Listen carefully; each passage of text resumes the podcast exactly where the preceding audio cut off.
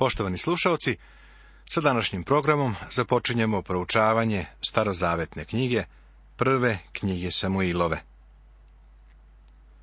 Prva knjiga Samuilova. Uvod. U jevrejskom kanonu dve Samuilove knjige su svrstane kao jedna, pa ih tako i treba posmatrati. U latinskoj vulgati one predstavljaju prvu od četiri knjige o carevima naš naziv poistovećuje Samuilovo ime sa ove dve prve istorijske knjige. Ovo nije zato što je on pisac, iako verujemo da on jeste pisac dobrog dela ovih knjiga. Ovakav naziv je dat zato što se priča o njemu pojavljuje kao prva i on je istaknut kao osoba koja je pomazala uljem i Saula i Davida. Zatim Samuilo se smatra piscem prve knjige Samuilove do 25. poglavlja. Kada se beleži njegova smrt. Natan i Gad su očigledno završili pisanje ovih dveju knjiga. Ovo saznajemo iz prve knjige Samuilove iz 10. poglavlja 25. stiha i prve knjige dnevnika 29. poglavlja 29. stiha. Samuilove knjige sadrže mnogo porodičnih osobina. Tu čitamo o pojavljivanju Izraelskog carstva. Tu nalazimo priču o Ani i njenom malom Samuilu. U ovim knjigama je zabeležena priča o Davidu i Golijatu, kao i neobično i dirljivo prijateljstvo između Davida i Jonatana. Tu imamo izveštaj o caru Saulu i njegovoj posjeti veštici u Endoru. A druga knjiga Samuilova u sedmom poglavlju, koje je jedno od najlepših poglavlja iz Božje reči, daje nam Boži zavet sa Davidom. Konačno imamo zapis o Davidovom velikom grehu sa Vicevejom i o pobuni njegovog sina Avesaloma. U knjizi o sudijama vidimo kako je Bog koristio male ljude, od kojih su mnogi imali neku ozbiljnu manu ili defekt. Priča o njima su veliko ohrabrenje za one od nas danas, koji se smatraju malim ljudima. Međutim, u prvoj i drugoj Samuilovoj knjizi susrećemo se sa nekim zaista istaknutim i izvanrednim ljudima. Tu su Ana, Ilije, Samuilo, Saul, Jonatan, David. Sa svakim od njih ćemo se upoznati dok budemo prolazili kroz ove knjige. Postoje tri predmeta koja se mogu smatrati temama ovih dveju Samuilovih knjiga. Prvi je molitva. Prva knjiga Samuilova započinje molitvom, a druga knjiga Samuilova se završava molitvom. Umeđu vremenu također ima mnogo molitve. Druga tema je pojava i uspon carstva. U ovim knjigama imamo zabeleženu izmenu u vladavini Izraela i to od teokratije u carstvo od velike važnosti Boži zavet sa Davidom, koji nalazimo u drugoj knjizi Samuilovoj u sedmom poglavlju. Za koji trenutak ćemo još komentarisati carstvo. Treća tema je javljanje službe proroka. Dok je Izrael bio teokratska država, Bog se kretao i delovao kroz sveštenstvo.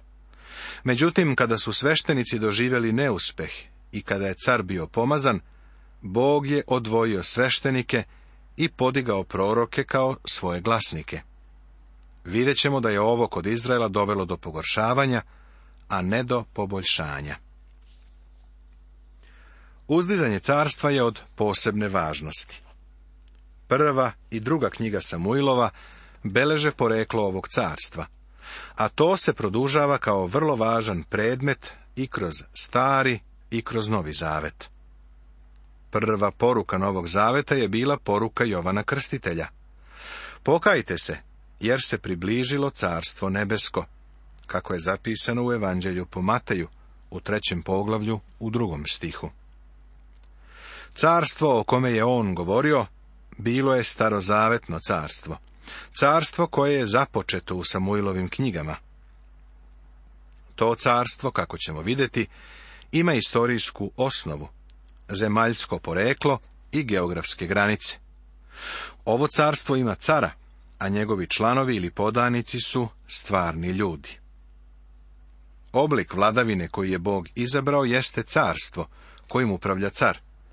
Ipak, promjena upravljanja danas ne bi dovela do rješenja naših problema. Nije reč o tome da je forma loša, nego ljudi koji su u to uključeni.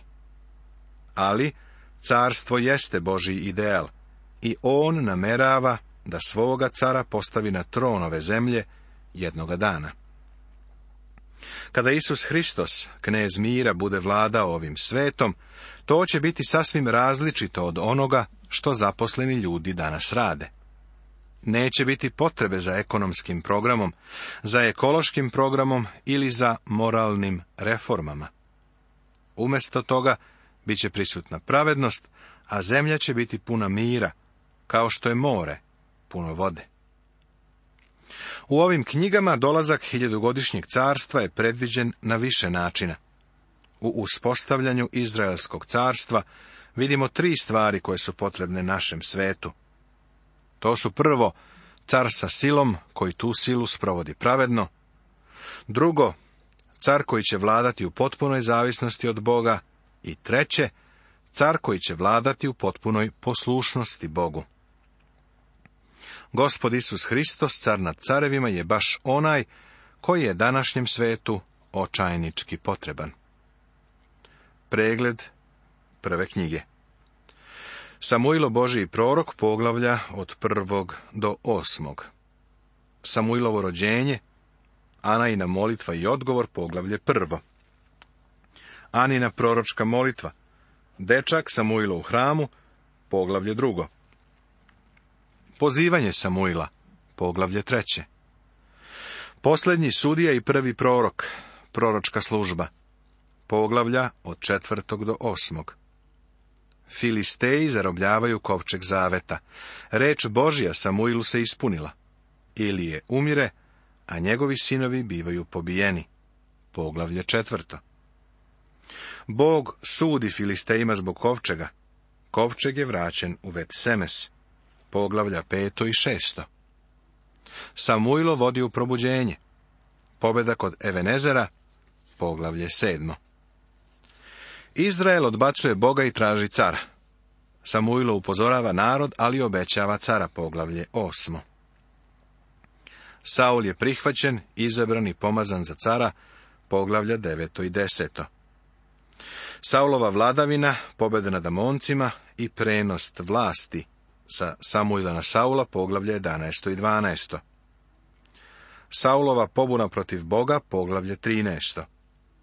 Jonatanova zasluga za pobjedu nad Filistejcima i Saul koji sebi pripisuje zasluge, poglavlje 14. Saulova upadljiva pobuna i neposlušnost u vezi sa Agagom, poglavlje 15. David Boži čovjek pomazan, poglavlje 16. David obučavan, poglavlja 17. i 18. Vaspitanje Davida, poglavlja od 19. do 30. Saul smrtno ranjen u borbi koji pokušava samoubistvo, Jonatan umire, poglavlje 31. Poglavlje prvo. Tema Samuilovo rođenje. Samuilo je odveden kod Ilija. Prva knjiga Samuilova započinje vapajem pobožne žene.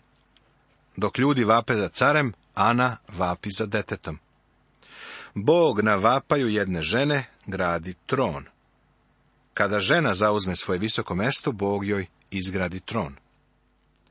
Ili je prvosveštenik, misli da je Ana pijana, dok se ona moli pred šatorom od sastanka u Silomu. Kada uviđa koliko ona čezne za detetom, on je blagosilja. Hana dobija Samuila i donosi ga Iliju. Tako ispunjava zavet koji je dala. Beše jedan čovjek iz Ramatajim Sofima, iz gore Jefremove, kojemu ime beše Elkana, sin Jeroama, sin Eliva, sin Tova, sin Sufova, Efraćanin. I imaše dve žene, jednoj beše ime Ana, a drugoj Fenina. I Fenina imaše dece, a Ana nemaše dece. Elkana je imao dve žene. Možda misliš da je Bog to odobravao? Ne, prijatelju. Dok budeš ovo čitao, vidjet ćeš da Bog nije odobravao da se imaju dve žene. Činjenica da su neke stvari zapisane u Svetom pismu ne znači da ih Bog odobrava. On prosto iznosi činjenicu u vezi sa istorijom, osobama i događajima. Na primjer, vidjet ćeš da je u Svetom pismu zapisana i Sotonina laž, ali to ne znači da je Bog odobrava. Bog je pokazao neslaganje kada je Avram uzeo sluškinju Agaru da mu bude druga žena. U stvari plodovi tog njegovog sine još traju. Ismail, Avramov sin, koga je rodila Agara, postao je otac arapskog naroda. Arapi i jevreji su i danas u sukobu. Pošto je Elkana imao dve žene, u porodici je nastala nevolja. To je dokaz da ih u ovo vreme Bog nije blagosiljao. I je taj čovek svake godine iz svojega grada, da se pokloni i prinese žrtvu gospodu nad vojskama u Silomu, a onda behu dva sine Ilijeva, Ofnije i Fines, sveštenici gospodnji. Ovaj stih me je dugo vremena uznemiravao. Zašto bi Samuilo morao da nam saopšti da su Ilijevi sinovi bili u šatoru od sastanka? Kasnije ćemo to shvatiti. Odlazak u šator nije bio samo ono što ti pretpostavljaš. U stvari bilo je to opasno mesto, jer su ovi Ilijevi sinovi bili, ako baš hoćeš, đavolski sinovi. Neke crkve predstavljaju najgora i najopasnija mesta na kojima se možeš naći. Čuo sam kako ljudi o gornjoj sobi ovako govore. Kako je bilo divno naći se tamo sa Isusom. A da li je? Znaš li ko je još bio u gornjoj sobi? Sotona. On nije bio pozvan, ali je bio tamo. Izveštaj o tom događaju nam kaže da je Sotona ušao u judu Gornja soba je te noći bila najopasnije mesto u Jerusalimu. Isto tako, odlazak u šator da bi proslavio Boga je u Samuilovo vreme vuklo za sobom poteškoće. Tamo je bilo prisutno zlo u vidu Ilijevih sinova. Zanimljivo je da se o ovome govori baš ovdje u prvoj knjizi Samuilovoj. I jedan dan kad Elkana prinese žrtvu, dade Feneni svojoj ženi i svim sinovima njezinim i kćerima njezinim po deo. Ani pak dade dva dela, jer ljubljaše Anu, a njoj gospod beše zatvorio matericu. Elkana je davao Ani više nego drugoj ženi i svoj njihovoj deci. Zašto? Zato što je voleo Anu. I protivnica je njezina vrlo cveljaše, Prkoseći joj što joj gospod beše zatvorio matericu. Ko je bio Anin protivnik? Fenina, Elkanina druga žena. One nisu govorile i taj dom nije bio prijatno mesto. Ko ti je rekao da Bog odobrava čoveku da ima dve žene? Oni su imali porodične probleme, a nisu imali savjetnika kome bi se obratili za pomoć. Ana je u to vrijeme bila verovatno jedna od najbednijih osoba na svetu, ali je otišla Bogu u molitvi. Tako činješe Elkana svake godine. I Ana hođaše u dom gospodnji, a ona je cveljaše, te plakaše i ne jeđeše. A Elkana, muž njezin, reče jednom, Ana, zašto plačeš? I zašto ne jedeš? I zašto je srce tvoje neveselo? nisam li ti ja bolje nego deset sinova? A Ana usta, pošto jedoše i piše u silomu, a Ilije sveštenik seđaše na stolici na pragu doma gospodnjega. I ona tužno u srcu pomoli se gospodu, plačući mnogo. I zavetova se, govoreći, Gospode nad vojskama, ako pogledaš na muku sluškinje tvoje i opomeneš me se, i ne zaboraviš sluškinje svoje, nego daš sluškinji svoj muško čedo. Ja ću ga dati gospodu dokle god živ i britva neće preći preko glave njegove. Izraz tužno u srcu opisuje njeno duboko razočarenje, jer nije imala sina. Zato se molila za sina i Bogu je obećala dve stvari, ako joj se želja ispuni. Prvo, on će biti sveštenik u levitskoj službi za sve dane svoga života i drugo, učinit će ga nazirejem Bogu. Biće odvojen za službu Bogu. I kad se ona dugo moljaše pred gospodom, ili je motrašena usta njezina. Ali Ana govoriše u srcu svojem, usta joj se samo micahu, a glas joj se ne čuše. Stoga Ilije pomisli da je pijana. Ilije je bio prvosveštenik. Video je ovu očajnu ženu koja je došla u šator i molila se. Posmatrao je kako joj se usne miču, ali nije čuo ni glasa. Očigledno je da ni sa usana nije mogao da čita. Obrati pažnju na njegovu reakciju, koja nam pomaže da shvatimo stanje toga doba. Ilijevi sinovi su tamo pili i bančili. Ilije je to znao, ali je pred tim zatvarao oči bio je otac koji se predao. Kada se Ana molila sa ovakvim žarom u srcu, Ilije je mislio da je pijena. Znaš li zašto? Drugi koji su bili pijani dolazili su u dom gospodnji. Mesto obožavanja nije bilo najbolje mesto na kome si se mogao naći u to doba. Pa joj reče Ilije, dokle ćeš biti pijena? Otrezni se od vina svojega. Ali Ana odgovori i reče, nisam pijana gospodaru, nego sam žena tužna u srcu. Nisam pila vina ni silovita pića, nego izlivam dušu svoju pred gospodom. Danas ne vidimo mnogo molitava, kao što je bila Anina. Da li ljudi mogu da pomisle da si pijan po načinu na koji se moliš? Naše molitve su tako dostojanstvene. Ana, koja nije želela da Ilije stekne pogrešan utisak, je rekla.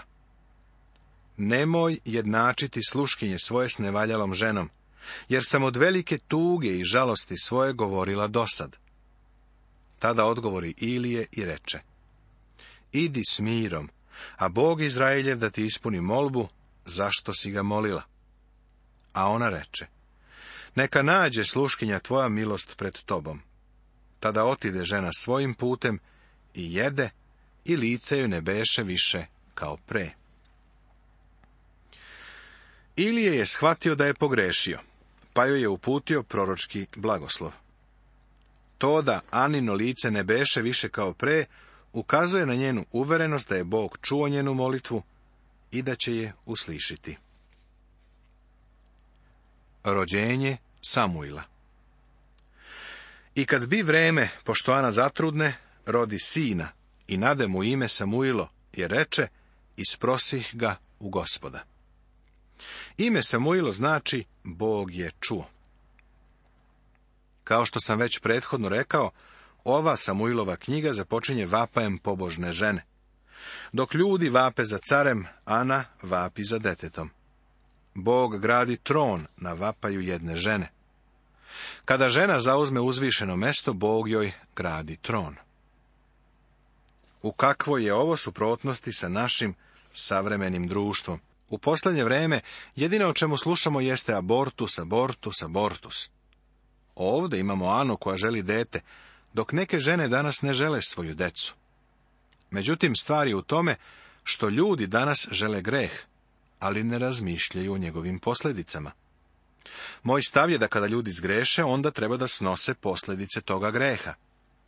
Ako je dete začeto, treba ga roditi i ono treba da je na odgovornosti onih koji su ga doneli na svet. Ljudi se veoma trude da pobegnu od posljedica greha. Treba da shvatimo sljedeći princip. Ne varajte se, Bog se ne da ismejavati, jer što čovjek seje, ono će i žnjeti, kaže poslanica Galatima u šestom poglavlju, u sedmom stihu. Živimo u vremenu abortusa.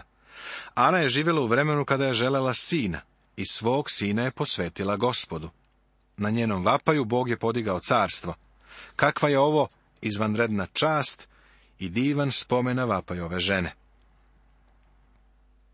A kad ga odoji, Odvede ga sa sobom uzevši tri teleta i jefu brašne i meh vina i uvede ga u dom gospodnji u Silomu, a dete beše još malo. I zaklaše tele i dovedaše dete k Iliju, a ona reče, čuj gospodaru, kako je živa duša tvoja gospodaru, ja sam ona žena koja je stajala ovde kod tebe, moleći se gospodu. Molih se za ovo dete i ispuni mi gospod molbu tvoju, zašto sam ga molila. Zato i ja dajem njega gospodu dokle god je živ, da je dat gospodu i pokloniše se onde gospodu. Kada je Ana odnela prinos gospodu, održala je zavet koji je dala Bogu. Odlučila je da ga u potpunosti preda za službu gospodu, svog sina Samuila, darovala je Bogu, i ta odluka je bila neopoziva. Nastavit će se.